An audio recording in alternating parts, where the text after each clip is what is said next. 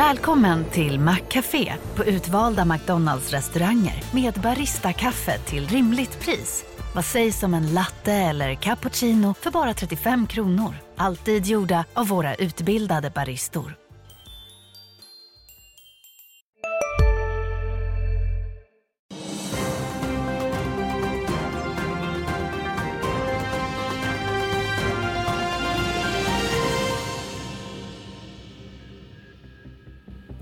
Morgon och välkomna till Börsmorgon. Det är sluttampen nu innan semestern stundar. Idag är det tisdag 27 juni. Det var viss teknikfrossa präglade handeln i USA igår. Nasdaq backade drygt 1% Asien har dragit åt olika håll under morgonen. Tokyo ner en halv procent, Hongkong istället upp en halv procent. Och terminen för Stockholmsbörsen pekar på en munter öppning idag plus drygt en halv procent om en knapp kvart. I dagens program ska vi prata om Dustins rapport för det tredje kvartalet. VD Johan Karlsson är med oss alldeles strax. Dess, dessutom märker vi att producentpriserna i Sverige sjönk i årstakt i maj och så ska vi lite senare dyka in i småbolagens värld. Och med för att göra det här idag är Christian Brunlid, förvaltare på Handelsbanken och Jon Hyltner, dito på NT Fonder. Välkomna! Tack. Tackar. Har ni, um, har ni lyckats koppla bort börsskärmen den här långhelgen? Ni är ändå kvar här. Det är skönt att se att några jobbar innan semestertiderna stundar. Ja, skärmen är alltid där. är det så, även under sommaren? Ja, lite så. För dig med Christian? Ja, man är ju ständigt uppkopplad 24-7. Mm. Det låter sunt. Hörrni, apropå uppkoppling så ska vi prata om Dustin då och deras rapport för det tredje kvartalet. De har alltså ett brutet räkenskapsår. Det visar på en inbromsning på i princip alla nyckeltal. Rörelseresultatet blev 97 miljoner inklusive då en jämförelsestörande post på minus 25 miljoner. Nettoomsättningen den minskade drygt 9% organiskt till 5,6 miljarder. Och det viktiga segmentet SMB, alltså små, små och medelstora bolag, sjönk ungefär 17 det justerade resultatet sjönk 30% jämfört med i fjol och det blev 169 miljoner. Sjönk gjorde även eh, den justerade marginalen till 3% men bruttomarginalen ökade en procentenhet till 15,3. Och vi ska prata med VD då också, den nytillträdda VDn Johan Karlsson över telefon. God morgon Johan, hur tycker du kvartalet var? God morgon. Eh, jag tycker att eh, kvartalet har ju haft ett antal positiva punkter som du tog upp tidigare, bland annat bruttomarginalförstärkning och ett bra kassaflöde som kommer från förbättringar av networking capital. Sen är ju marknadsutvecklingen eh, svag och därmed efterfrågan svag, framförallt på små och medelstora företag. Om vi tittar just på försäljningen och, och minskningen i årstakt, framförallt inom då små och medelstora bolag. Hur mycket mindre hade försäljningen varit om det hade varit i konstanta priser eftersom att jag tar för givet att ni har höjt sen föregående kvartal förra året?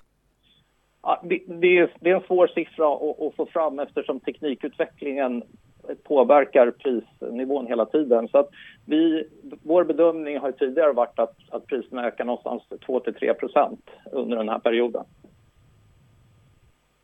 På rörelsemarginalsnivå så är det en viss minskning, 3% istället för 3,4. Men bruttomarginalen ökar. Vad är det som förbättras där? Det är lite olika beroende på segmenten. Om man tittar på SMB-segmentet så, så är det att vi lyckas hålla i Eh, prissättningen trots att efterfrågan är svag. Eh, och det kommer ju från vår starka position eh, i de respektive länder vi befinner oss i. Eh, det i kombination med att vi faktiskt har sålt mer avancerad hårdvara jämfört med mobiltelefoner och datorer bidrar positivt.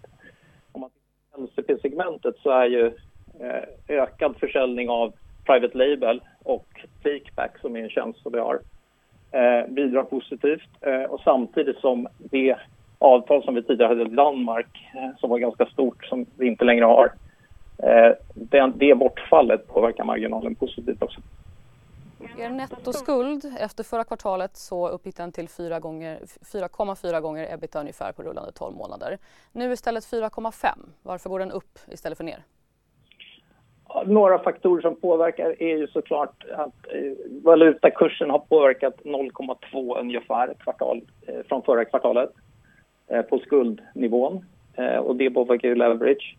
Eh, och sen eh, har ju affärsresultatet gått ner lite grann. De två påverkande faktorerna. Det motverkas ju av det positiva kassaflödet. Ni har ju som plan, där ni kommunicerat tidigare, alltså att prioritera att få ner den. Vilka sätt ser ni er ligger närmast till hands för att kanske inte bara få ner den utan få ner den ganska ordentligt? Ja, de, de två mest uppenbara är ju att fortsätta jobba med rörelsekapitalet. Där finns det några hundra miljoner kvar att, att, att ge på. Eh, och den andra är ju att, att bygga för framtiden, att se till att, att Dustin är ett fortsatt tillväxtbolag med lönsam tillväxt.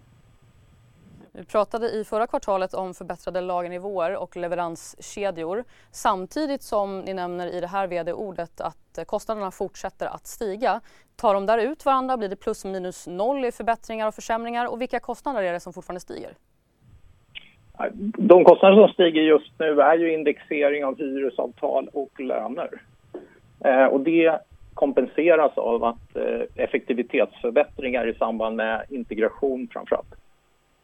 Till sist då Johan, hur ser du framför dig resten av ja, kalenderåret, även räkenskapsåret för er del som att ni är inne i det fjärde kvartalet? Vad är det främsta fokuset? Det, det främsta fokuset för oss är att eh, fortsätta på den inslagna vägen vi har eh, och som vi har kommunicerat tidigare med integration av verksamheterna, se till att vi eh, digitaliserar processer så att vi kan skala på dem i, när vi blir större och på det sättet förbättra både omsättning och marginal. Tack så mycket Johan Karlsson för att du var med oss i Börsmorgon den här morgonen. Mm, så säger VD. Vad säger Jon börjar med? Ja, nej men, eh, det de kan hantera verkar de göra bra. Bruttomarginalen är upp, eh, är positivt och sen att rörelsekapitalet eh, minskar. Så kassaflödet var ju riktigt eh, starkt i kvartalet. Eh, sen är det en, det är en tuff eh, bransch de är i nu. Jag tror att IT-budgetar kommer gå ner för de flesta bolag och flesta av deras kunder nu när det är lite tuffare tider. Plus att det är nog rätt många bolag som fortfarande har en ganska stor eh, investerad bas eller vad man ska säga sedan eh, covid när alla uppgraderade sina system. Det kan nog hänga kvar ett tag. Mm. Ja, jag, jag håller med. Det var ingen rolig eh, omsättningssiffra. Så att, eh, nej, men det är tufft där ute och det, det, är små marginaler, det ser man också längst ner. Så att det är tufft när, när hyror och löner går upp som de gör. Men sa vi inte inför kanske, eller någon gång under förra året, att IT är så pass defensivt nu? Alla behöver IT, så det skulle gynna Dustin. Gäller inte det längre? Det, jag tror att den här långsiktiga trenden är, är kvar. Men samtidigt är det en ganska odifferentierad produkt. Det ser man på bruttomarginalerna och även ebit-marginalerna. De är ju lövtunna. Mm. Så det, det, är ju det är svårt att sticka ut med att ha den bästa tekniken. Alla behöver ha tekniken men det blir ju hög konkurrens så det blir, det blir tufft ändå. Sen ska, tror jag att många spenderade mycket under covid som man nu kan ta av. Mm. Christian, dina kollegor på Handelsbanken sa innan dagens rapport mot bakgrund av Dustins europeiska konkurrent som nyligen hade rapporterat mm. ännu inte märkt av någon starkare efterfrågan från just små och medelstora mm. företag. Bedömer vi att en vändning kan dröja ytterligare mm. en tid? Ja, det är nog bästa gissningen. Eh, folk, eller bolag kommer hålla i sina plånböcker så, så hårt de kan närmaste tiden. Så att, eh, eh ja. Aktien idag, några tankar? Eh, nej, men jag tror den går ner lite grann. Skuldsättningen är inte kul heller för dem. De måste adressera det på något sätt tror jag, lite hårdare. Håller du med Jon? Ja. Mm.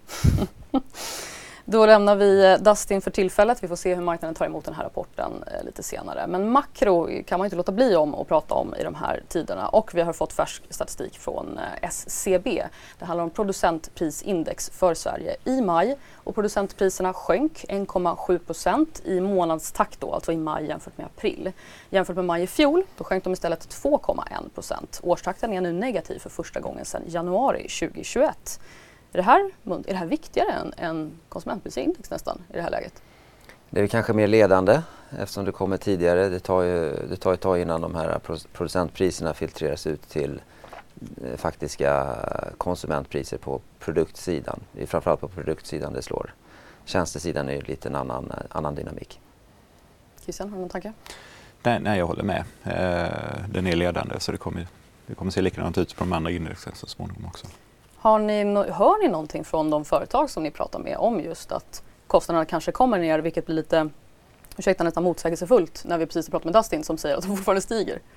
Ja men det har ju varit tydligt de senaste kvartalsrapporterna. Även i, inom storbolagssegmentet så fick man ju eh, höra från, från eh, Volvo lastvagnar att de fick en boost på marginalen för att deras inköpspriser kommer ner. Nu har de redan justerat sina utpriser eh, en del. Så det, det blir positivt. Sen tycker jag också man hör ganska generellt att det är eh, förra året så har det aldrig varit lättare att höja priserna någonsin. Eller, många sådana kommentarer fick man höra medan nu är det mycket svårare. Så nu kommer många kämpa på att hålla kvar sina prishöjningar som man har haft. Här kommer det vara väldigt olika utfall på bolag till bolag beroende på vad man säljer.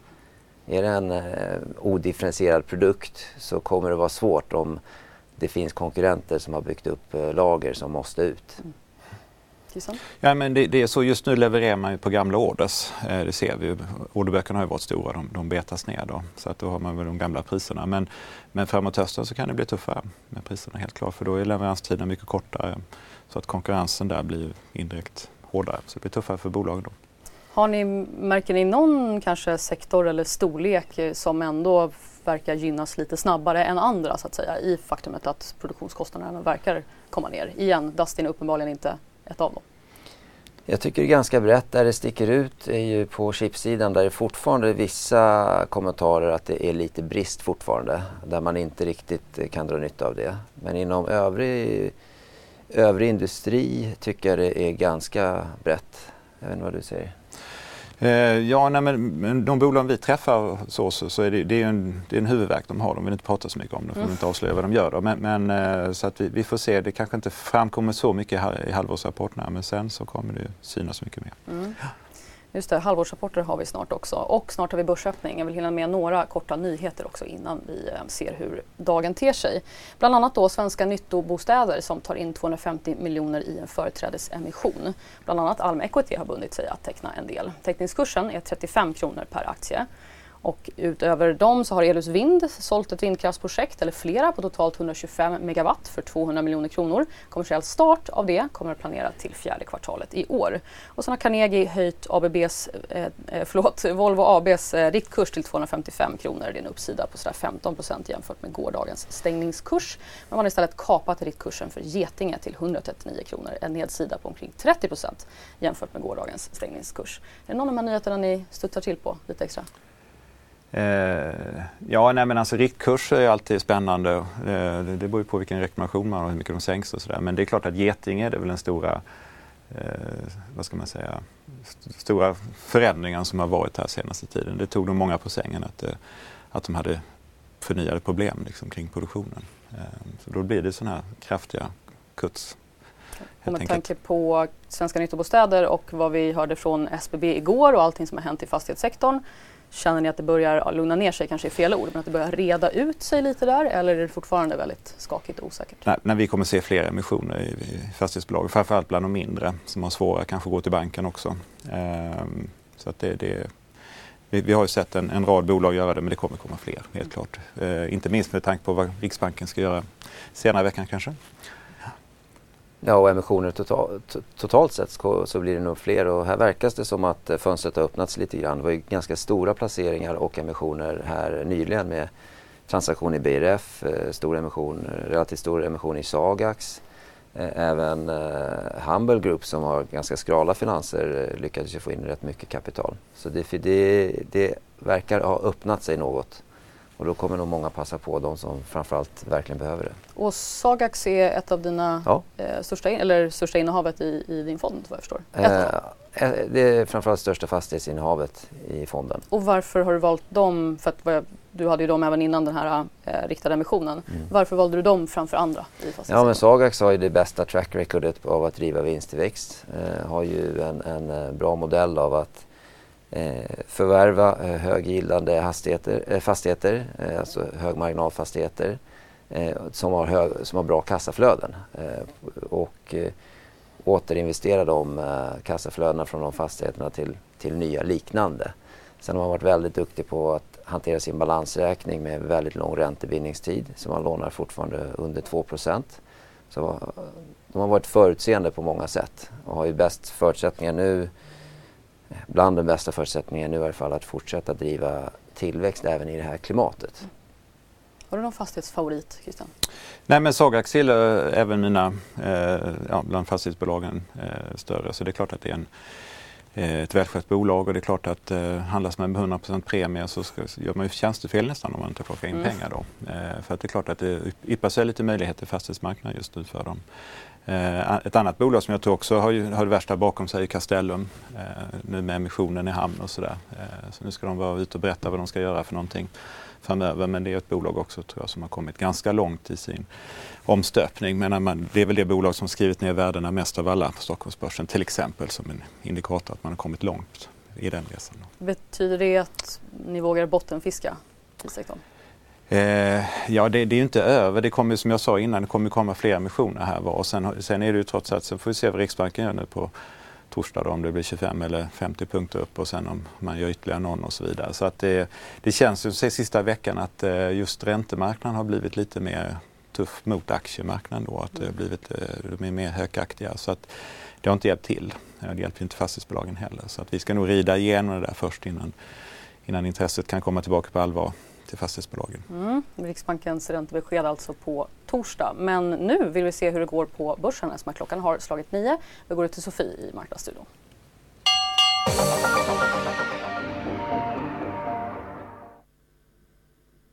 Ja, Stockholmsbörsen öppnar lite i sidled. Om vi tittar på storbolagsindex så ser vi att vi har SBB och Boliden i toppen medan Getinge och Essity ligger i botten. Och jag tänker vi börjar med Dustin som rapporterade, de var ju med i programmet tidigare och hade större intäktstapp än väntat. Och den aktien stiger nu på precis vid börsöppning med 6% Går vidare till AstraZeneca som får godkännande i Kina för en behandling av typ 2 diabetes. Den här behandlingen är sedan tidigare godkänd i USA så vi får se om det har någon påverkan på aktien. Men så här precis vid börsöppning så backar AstraZeneca något. Swedbank följer efter Handelsbanken och nu blir det lite, lite ränta på lönekontot. Så vi får se hur det rör sig under dagen. Men så här precis vid börsöppning så stiger Swedbank en halv procent. Tim Pennington eh, tillsätts som tillfällig vice VD och finanschef för Telia från och med september när nuvarande finanschef går över till Schibsted. Och på tal om Norge så NCC tar in en miljardorder för att bygga ett sjukhus strax väster om Oslo. Och den aktien är upp en halv procent. Om vi fortsätter med fastigheter så fastighetsbolaget Svenska Nyttobostäder ska ta in 250 miljoner kronor i företrädesemission. Vindkraftsbolaget Eolus Vind, de ska säga, de stiger idag nästan 5% Bolaget säljer ett vindkraftsprojekt för 18,9 miljoner euro och det är sålda parkerna beräknas vara i drift redan i slutet av året. Forsey Strategies, leverantör av mjukvarulösningar för övning av förmågeutveckling, tecknar ett ram, femårigt ramavtal med Försvarsmakten och kontraktets volymtak är på 150 miljoner kronor och den aktien är upp 2% så här vid börsöppning. Och sen är det ju semestertider så jag tog upp europriset nu när många ska ut och resa. Euron har ju tappat lite det senaste dygnet och nu ligger det på 11,68 mot svenska kronan. Och så kan vi konstatera att bräntpriset stiger något och ligger nu på 74 fatet. Men som sagt, Stockholmsbörsen i stort öppnar lite i sidled. Hej, Ulf Kristersson här. På många sätt är det en mörk tid vi lever i. Men nu tar vi ett stort steg för att göra Sverige till en tryggare och säkrare plats. Sverige är nu medlem i Nato. En för alla, alla för en.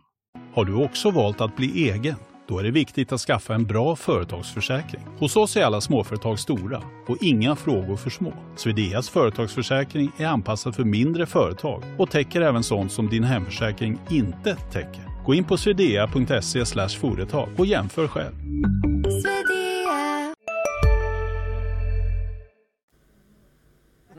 Tack så mycket för det Sofie. Roligt eh, tycker grabbarna här inne som ni hör. Hörni, 6 % för Dustin. Glad över bruttomarginalen eller kassaflödet? Jag, jag vet inte, det är så svårt att säga. Jag såg förväntansbilden var ganska splittrad. Så en av bankerna så var resultatet betydligt, betydligt högre och mot någon annan så var det betydligt lägre. Så man vet inte riktigt vad de omsatta aktierna idag har, har tittat på. Men om något så var kassaflödet bra. Eh, och det är ju positivt när, när skuldsättningen är lite ansträngd. Mm. Då blir också vår eh, vapendragare Ulf Pettersson glad. Vi ska återkomma till börsen och eh, Sofie innan vi avrundar också. Vi håller oss istället kvar vid eh, något av åtminstone ditt specialområde Jon, som att du har mycket fokus på mindre bolag och i, i börstermer mätt så är de i och för sig inte så små. Men hur har det gått för dem jämfört med storbolagen hittills i år? Börjar de eh, återhämta sig någonting?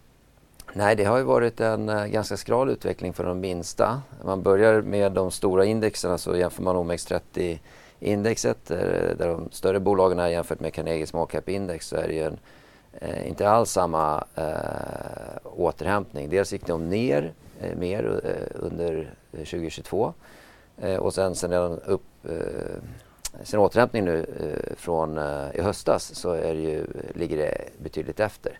Och gör man rullande tidsserier på det här så är det ju en, en uh, ovanlig situation. Uh, tre års, det är väldigt sällan som man har tre års sämre avkastning för småbolag jämfört med de stora. Uh, så det är, det är, en väldigt speciell situation. Vad läser du in i det? Jag tror mycket, tittar man på småbolagen så är det det som kallas mikrobolag, de är fortfarande ner från Ja, man ser. Från, eh, jag vet inte vad den här visar. Jag tror den gula linjen som är eh, mikro och sen har du small cap på den gröna, alltså, förlåt den blåa ja. så ovanför och sen så OMX30 då högst Mikrobolagen, eh, det syns inte riktigt här men en annan eh, särskiljning man kan göra då, de är fortfarande ner från oktoberbotten. Eh, och, och medan övriga marknader som är mer likvida eh, eller övriga storle storleksgrader på bolag är upp. Och jag tror mycket det handlar om eh, att det är en likviditetsfråga att i det här i det här mindre segmentet så är det så en låg omsättning. Det är ganska stor andel privatsparare och privatpersoner som eh, står för den handeln. Eh, de har inte kommit tillbaka. Eh, institutioner och andra som förvaltar större kapital har jättesvårt att röra sig i det här segmentet nu för du, om du vill ta en position så får du inte tillräckligt med, med aktier för att det ska bli betydelsefullt. Och vill du sälja så är det svårt att hitta en tagare. Och det där eh, har, eh, har pressat det minsta segmentet. Jag tror att det är en tidsfråga tills eh, att eh, det kommer tillbaks intresse och det finns ett ganska stort uppdämt, uppdämt behov och, och många aktier som kan återhämta sig.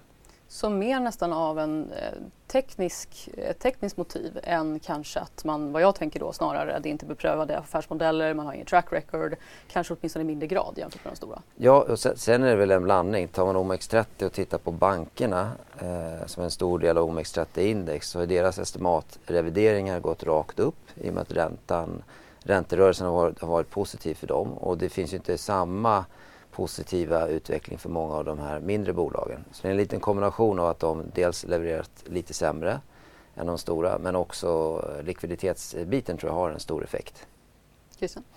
Ja, nej, men jag håller med Jon här och sen är det så om man tar skolboken så är det trots allt så att det är en, en ränta som går från noll till någonting mycket mer. Det, det, det slår mest negativt mot de minsta bolagen där, där vinsten oftast ligger lite längre fram i framtiden. Och ska man diskontera tillbaka det så slår det hårt. Och sen är de kanske lite mer skuldsatta än, än storbolagen överlag så det påverkar också. Ehm, men, men sen när, när, vi då, så, att det, är inte, så det är inte så konstigt att intresset har svalnat av. Men, men, för oss är det viktigt då, vad gör bolagen? Man, kan ju, man får skilja på bolags och aktieanalys. Och jag tycker i många fall att vi gjort bolagsanalysen rätt i våra portföljer. Det är klart vi har en och annan plump också där saker och ting ändras eh, snabbt. Men, men, men, så länge bolagsanalysen är, är rätt så får, får, får, man ju leva ibland med att aktien inte riktigt uppför sig som man tänkt sig. Men, men precis som vi gjorde inne, jag tror också att förr eller senare så kommer intresset tillbaka. Förmodligen mycket räntedrivet den dagen Riksbanken slutar höja eh, och kanske till och med indikerar att nästa gång så ska vi börja sänka istället. Och det, kan inte, det, det är inte nu, va? det kanske blir framåt hösten eh, någon gång. Eh, då, då tror jag intresset kommer tillbaka för då, då är liksom de faktorerna på rätt sida för, för de minsta bolagen. För när en pendel svänger så snabbt så brukar den ju oftast svänga för långt också och då leda till en del felprissättningar. Men det kanske också lite längre ut på riskskalan om man ska ner där och, och gräva fram. Hur står ni där? Var, hur långt ut vill ni gå på riskskalan? Egentligen så är vi ganska lågt på riskskalan i, i den fonden jag hanterar eh, och då tänker vi rent operationellt på hur bolagen eh, eh redovisar sina vinster. Vi vill ha bolag med bra kassaflöden och hög lönsamhet. Och då vet man att trots, skulle sentimentet vara negativt för aktien så blir den bara billigare. Men med tiden så kommer det, den prissättningen att justeras. Så får man rätt i det som ja, Christian kallade bolagsanalysen där så har man tiden med sig och då kommer de investeringarna bli bra på sikt. Mm. Det här kortsiktiga, hur det, hur det slår, eh, när flödena kommer in i småbolag eller inte. Det är otroligt svårt att eh, ha någon prognos på med precision. Däremot så kan man ha med hyfsad precision välja ut de bolagen som kommer 5-10 år framåt ha en, en fin vinstutveckling. Eh, och är man då investerar där så på, med tiden så kommer man eh, få bra avkastning. Mm. Tålamod. Ja. ja. Sen är det viktigt att eh, i, när det är så här turbulent, det är ju de bolagen som inte har bra kassaflöden som behöver gå till aktiemarknaden för att få in kapital. Det är där eh, man får en, en rejäl eh, nedsida i sin avkastning. Du blir utspädd om du inte vill vara med själv och satsa mer pengar. Eh, och eh, aktiekurserna brukar eh, ju, ju gå väldigt svagt. Men att titta på småbolagssegmentet generellt, alltså att ha en exponering mot svenska småbolag har över tiden varit en fantastisk exponering. Och sen har vi haft det supertufft nu eh, ett och ett halvt år här eftersom räntorna och marknaden var som den är. Då. Men det kommer komma tillbaka. För tittar man under vegetationen, det händer väldigt mycket positivt bland svenska bolag fortsatt. Så att vi är väldigt innovativa duktiga på att växa bolag, växa internationellt och sådär. Så att det, de där krafterna eh, finns där fortfarande och kommer bli synliga igen så småningom och då kommer intresset tillbaka. Eh, det är vi ganska säker på. Så att, eh, eh, orkar man hålla i sin småbolagsexponering så ska man göra det tycker jag för man kommer få betalt förr eller senare. Om vi ehm, går in på en, en inzoomad del av kanske de här typerna av bolag med tanke på just att, att växa också och några där pendeln verkligen har svängt från de här serieförvärvarna var superhyllade inklusive typ ett Embracer till att eh, nu för tiden vara väldigt mycket mera försiktigt inställda från marknadens sida. Eh, det måste också vara ganska olika beroende på hur aggressiv man är i mm. förvärvstakten. Verkligen och, och tar man eh, av de bolagen då som har förvärv som en tydlig del av strategin. Det, det, är den viktigaste tillväxtdrivaren. Så finns det ju eh, en rad bolag som är etablerade, som har hållit på väldigt länge. Vi har pratat om Indutrade, Lifco, Attec, Lagercrantz. De har ju bevisat sig eh, under en väldigt lång tid. Många av de här bolagen har man ju data på sedan finanskrisen och vet hur, eh, hur resultatutvecklingen var då. Det som är intressant är att kassaflödena för de här bolagen var ju, eh, det var ju de bästa kassaflöden de hade haft. För när det blev sämre organiska volymer då var de väldigt duktiga på att dra ner sina lager och då eh, frigöra kassaflöde. Eh, vilket gör att jag inte alls är orolig för de här typen av bolag i, eh, i potentiellt tuffa tider. Sen har vi ju den andra gruppen då som har sprungit väldigt fort och vill, de vill komma in i finrummet bland de här eh, etablerade förvärvande bolagen lite för fort. Eh, och då har vi eh, Vestum och Humble och, och Seafire till exempel som har har jobbat på väldigt fort och tagit in pengar, gjort eh, många förvärv eh, men har inte lyckats skapa en avkastning som är, är tillräckligt hög. Det den här grafen visar det är lite intressant. Det är avkastning på eget kapital eh, och avkastningen för aktien i år. Och då är det väldigt tydligt att marknaden är ju inte alls villig att ta den risken som finns i de här nya spelarna där avkastningen är eh, för låg hittills. Eh, de har ju också i, i regel svaga kassaflöden underliggande. Medan de etablerade känner sig marknaden ganska trygg i. Det är hög avkastning på kapitalet, en historik som är väldigt god, som man litar på att de kommer hantera en tuff ekonomi men samtidigt kunna driva tillväxt med eh, fortsatta förvärv. Så det, det tycker jag är en, en, eh, en tydligt tecken på det här segmentet men också hur marknaden generellt har funkat nu sedan återhämtningen. Att kvalitet har ju gått bättre än det som är mer spekulativt. Och tänker du att lite som i de här tiderna när det är lite oroligt så säger man snarare att eh, kapa förlusterna och håll kvar vid dina vinnare. Mm. Tänker du också snarare så när du ser den här utvecklingen? Jag tror det. Eh, och, och, eh, det eh, nu fick ju Humble eh, in kapital här, eh, vilket var intressant i sig. men de bolagen som behöver ta in kapital för att stärka sin balansräkning nu, fast de i grunden har en idé om att kanske ta in kapital för att vara offensiva, då, då har ju strategin misslyckats. Eh, och, och, då är det svårt att se att man ska kunna klara av att driva en, en, en framgångsrik tillväxtutveckling eh, med, med förvärv om man inte, inte klarat det i den här miljön. Mm. Christian, har du något eh, att tillägga? Eh, ja, sen, sen, sen, som vi pratade om innan, man ska skilja på bolag och aktier. Eh, och det är klart att ehm, eh, en del av de här jättefina bolagen har ju haft väldigt fin aktieutveckling också. Så då, man ska ju fundera lite grann på också i det korta perspektivet så är jag nog helt övertygad om att Jon får rätt. Men, men eh, tror man på en återhämtning någon dag så ska man ju fundera på vilka aktier man ska ha. För det är klart att den förväntade teoretiska av, eh, avkastningen eh, i Altec är inte kanske lika hög idag som den var för ett halvår sedan. Mm. Eh, det ska man ha med sig men just nu så funkar det väldigt bra. Har du några favoriter, Jon? Eh, jag gillar de etablerade med hög avkastning. Eh, däremot ser man, eh, apropå hur aktierna har gått och värderingarna ser ut, så tycker jag att Stiptech är intressanta. De har inte riktigt samma långa historik men som de är mer etablerade men ändå hyfsat lång historik och är på väg att komma in i, i det riktiga finrummet. Och de fortsätter att exekvera och värderingen är betydligt lägre. Samtidigt har man eh, en eh, eh, lättare jämförelsetal än eh, de andra bolagen. För förra året har varit rätt tufft för dem rent organiskt med flera av deras dotterbolag med, med, lite motvind där det nu ser ut att, att, vända. Så jag tror att det här året kommer bli väldigt bra operationellt för Stiptech. Både genom fler förvärv men också eh, framförallt från att den underliggande verksamheten går bra. Och då får man den till eh, en attraktiv multipel. Sen, och Indutrade tycker jag har, eh, eh de brukar ju handlas väldigt lika eh, värderingsmässigt och där finns det en liten skillnad nu. Eh, där den är lite billigare än de andra. Eh. och då har du dem i din fond? Misstänker jag. Har de i min fond. Mm. Christian, har du någon span på? Eh, ja, ja, vi är också eh, en del av de där mm. absolut. Eh, sen måste man, man, måste ju, man kan inte bara titta på, man måste ju se vad de håller på med också, vilka branscher de är exponerade mot och hur underliggande går de. Men det är klart att eh, vissa har lite byggexponering och det går inte jättebra just nu eller kommer inte gå bra till hösten. Så det, man, man, måste ju fundera i de termerna också. Men jag håller med att Stiptech är också en av mina favoriter definitivt. Däremot så börjar mjukna lite grann på de som har kanske gått bäst i år. Då. Mm. För att det, det är höga förväntningar på dem.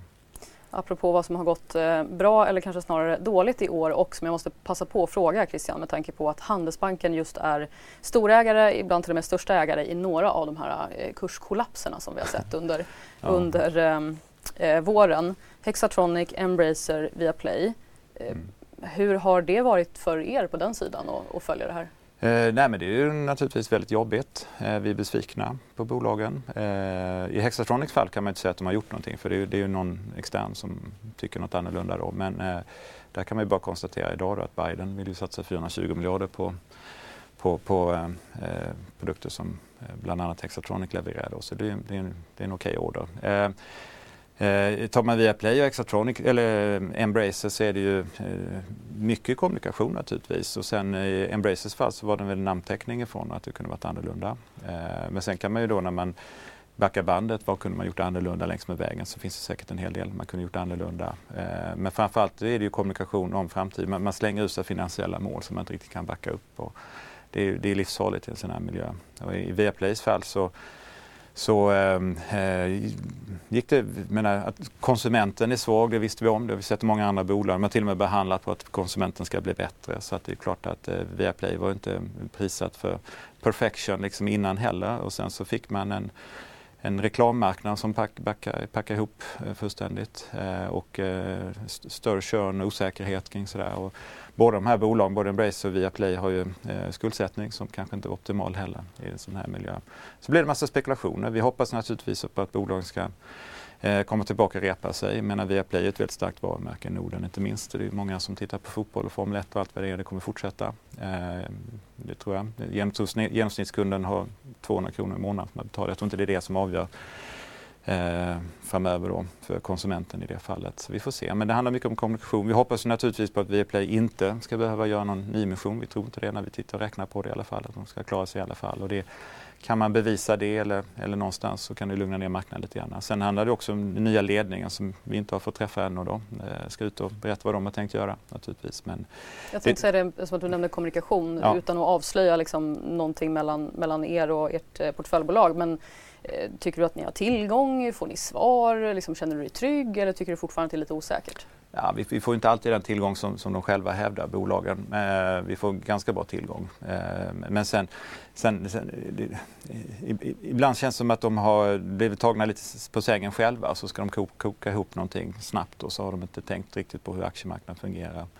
Eh, så att de kan ju behöva lite bättre rådgivning framöver och jag har förstått att du ska kanske hjälpa dem eller något annat bolag. Men, du lägger ehm, ribban högt nu. Ja, kanske. Vi får se efter sommaren. Ja, så det finns att göra där ute. Men det, är väldigt, det, är, det får man ge en passning till många andra bolag att kommunikation är A och O, speciellt när det inte går som man har tänkt sig. Då gäller det att vara extra tydlig ute och, och med, med, vad som händer och vad man tänkt göra. Exakt, ni hörde det inte bara från journalisten, ni hörde det även från kapitalförvaltaren. Mm. Jon, har du något du vill komma in här i diskussionen? Jag har, jag kanske inte jättemycket att tillägga där.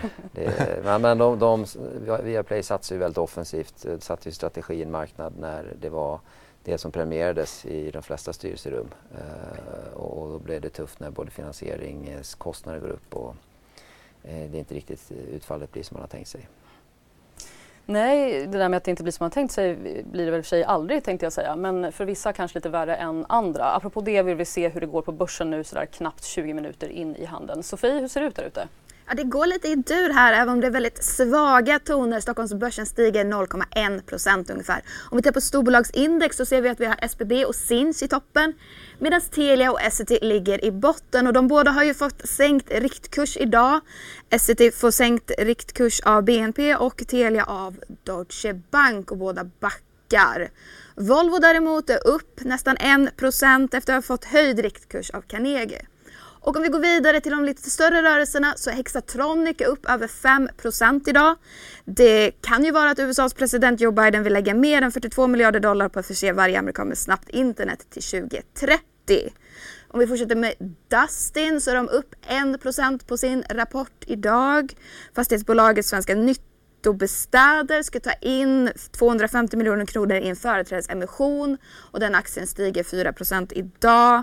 Vindkraftsbolaget Eolus Vind stiger även de 4 och de, det bolaget har ju sålt ett vindkraftsprojekt för 18,9 miljarder euro. Om vi fortsätter med 4C Strategies så är de upp 4,5% Det är ju en leverantör av mjukvarulösningar för övning av förmågensutveckling som har tecknat ett femårigt avtal med Försvarsmakten. Men så, så ska vi givetvis ha lite koll på priset av euron och nu så de här 20 minuterna som har gått så har det faktiskt sjunkit pytte, pytte, pyttelite och ligger nu på 11,67. Men som sagt, Stockholmsbörsen i stort är ändå munter. Tack så mycket för det Sofie. Ja, och det svänger snabbt här med tanke på att som eh, även eh, grabbarna i studion eh, noterar att Dustin är nu ner istället för upp som det så tydligt var tidigare. Ja, ja, vi ska fortsätta på spåren intressanta investeringsobjekt tänkte jag. Och med tanke på kanske Embracer som väl var någon form av gyllene stjärna i börsrummet nästan överlag men inte minst inom gamingsektorn så finns det ju så otroligt många andra som har fått stryk. Stillfront var väl nästan först ut att mm. få någon form av bara bestraffning över sin affärsmodell när allting vände. Ja, nej, men det var ju, det var ju en covid-vinnare. Alla spelbolag var ju det. Sen blev de ju enorma covid-förlorare när alla eh, liksom, skulle, skulle ut och äta på restaurang istället. Ehm, sen, sen, har ju konkurrensen hårdnat. Det är ju, konsumenterna är mycket mer krävande när det gäller nya spel. Att de ska vara perfekta från början. Är de inte det så blir det ingen, ingen direktförsäljning och så. så att det, det är ju, och sen tar det längre tid och det är dyrare att utveckla spelen och sådär. Sen, sen var ju båda, både Stillfront och Embracer var ju väldigt drivna en tid. Eh, och det har kommit lite surt i efterhand vad gäller skuldsättning och sånt där. Eh, men, men, men, härifrån får man ju också fundera, men liksom, vad händer i bolagen? Stillfront är ju en, eh, en aktie som vi har börjat köpa igen. Eh, för att, eh, precis som Joni var inne på tidigare också, det här med, med vinstrevidering och sånt där. Så här är ju, Eh, vi börjar se lite små, små tecken i, i några av spelbolagen i alla fall att saker och ting ser lite bättre ut. Eh, och eh, två bolag är ju då både Stillfront och MTG som har mycket mobilspel. Och där börjar det ticka upp lite grann. Eh, dels för att det är lite lättare jämförelsesiffror men också att konsumenten någonstans hittar tillbaka till de här spelen igen.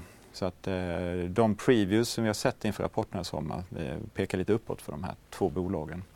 Och i MTGs fall så fick ju den också oförtjänt mycket stryk i samband med Viaplay. Det har ju egentligen ingen större korrelation. Jag tänkte säga det guilt by association, som att man ja, ja, var en avknoppning men, från MTG. Eh, men, men eh, den, den, har ju efter försäljning av, av sin eh, ja, stora spel, eh, ena benet om förra året så har de ju en stor nettokassa eh, och de har gjort återköp och just nu så har de ju köpt 10 av aktierna som ska makuleras. Sen kommer de börja igen med återköp. Så att, eh, och, och rensat för, för, utdel, eller för, för kassan så är ju det här eh, väldigt lågt värderade aktier, eh, liksom Stillfront. Det är ensiffriga P-tal. Om jag kommer ihåg det rätt så har väl mobilspelaren annars just pekats ut som extra känsligt i den här pressen på hushållen? Ja, det har det ju, vi har ju sett föregående år så var det. Men, men, men båda bolagen signalerar, man ser en statistik, att det, det börjar liksom bli mindre dåligt eller lite, lite bättre i alla fall. Och är det då att fler eh, konsumenter också köper liksom olika funktioner i spelen? Att de spenderar lite mer eller ja. att de spelar mer överlag? Alltså, det är väl prioritering vad man gör med pengar. När man sparar in på annat så kanske man måste underhålla sig med någonting och då blir mobilspel kanske inte så dyrt. Mm. Jon, är det här några du tittar på?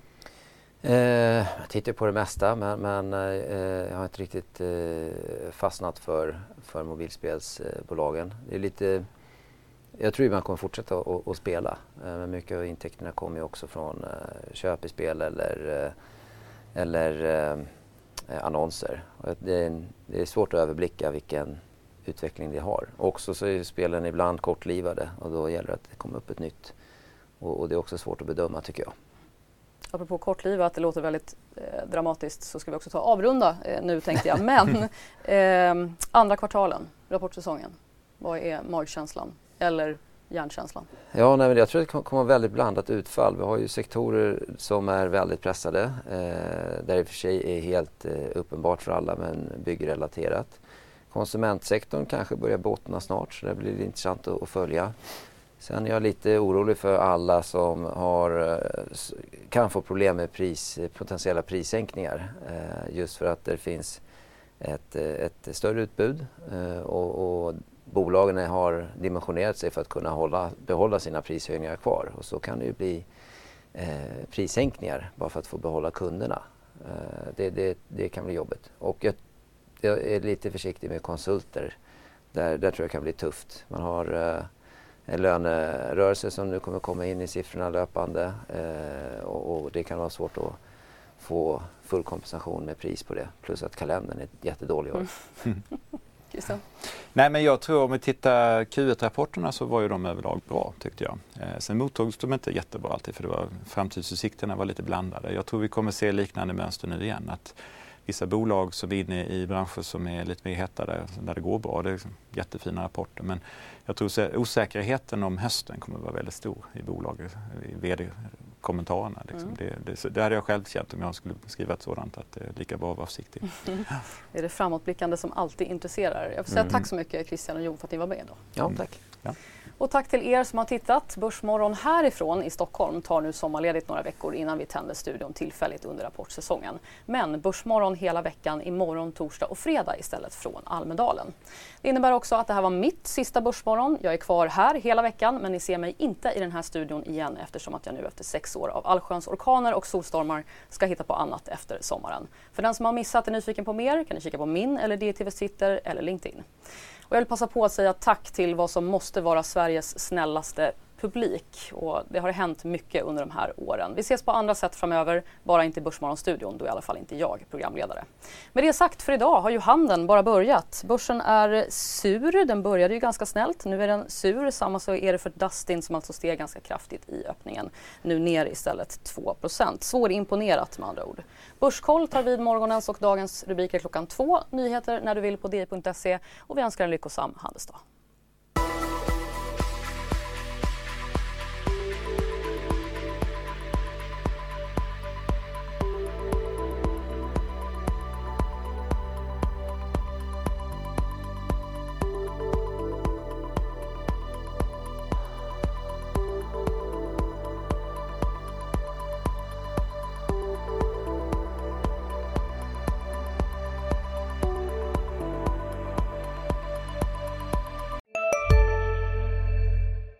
Välkommen till Maccafé på utvalda McDonalds restauranger med Baristakaffe till rimligt pris. Vad sägs om en latte eller cappuccino för bara 35 kronor? Alltid gjorda av våra utbildade baristor.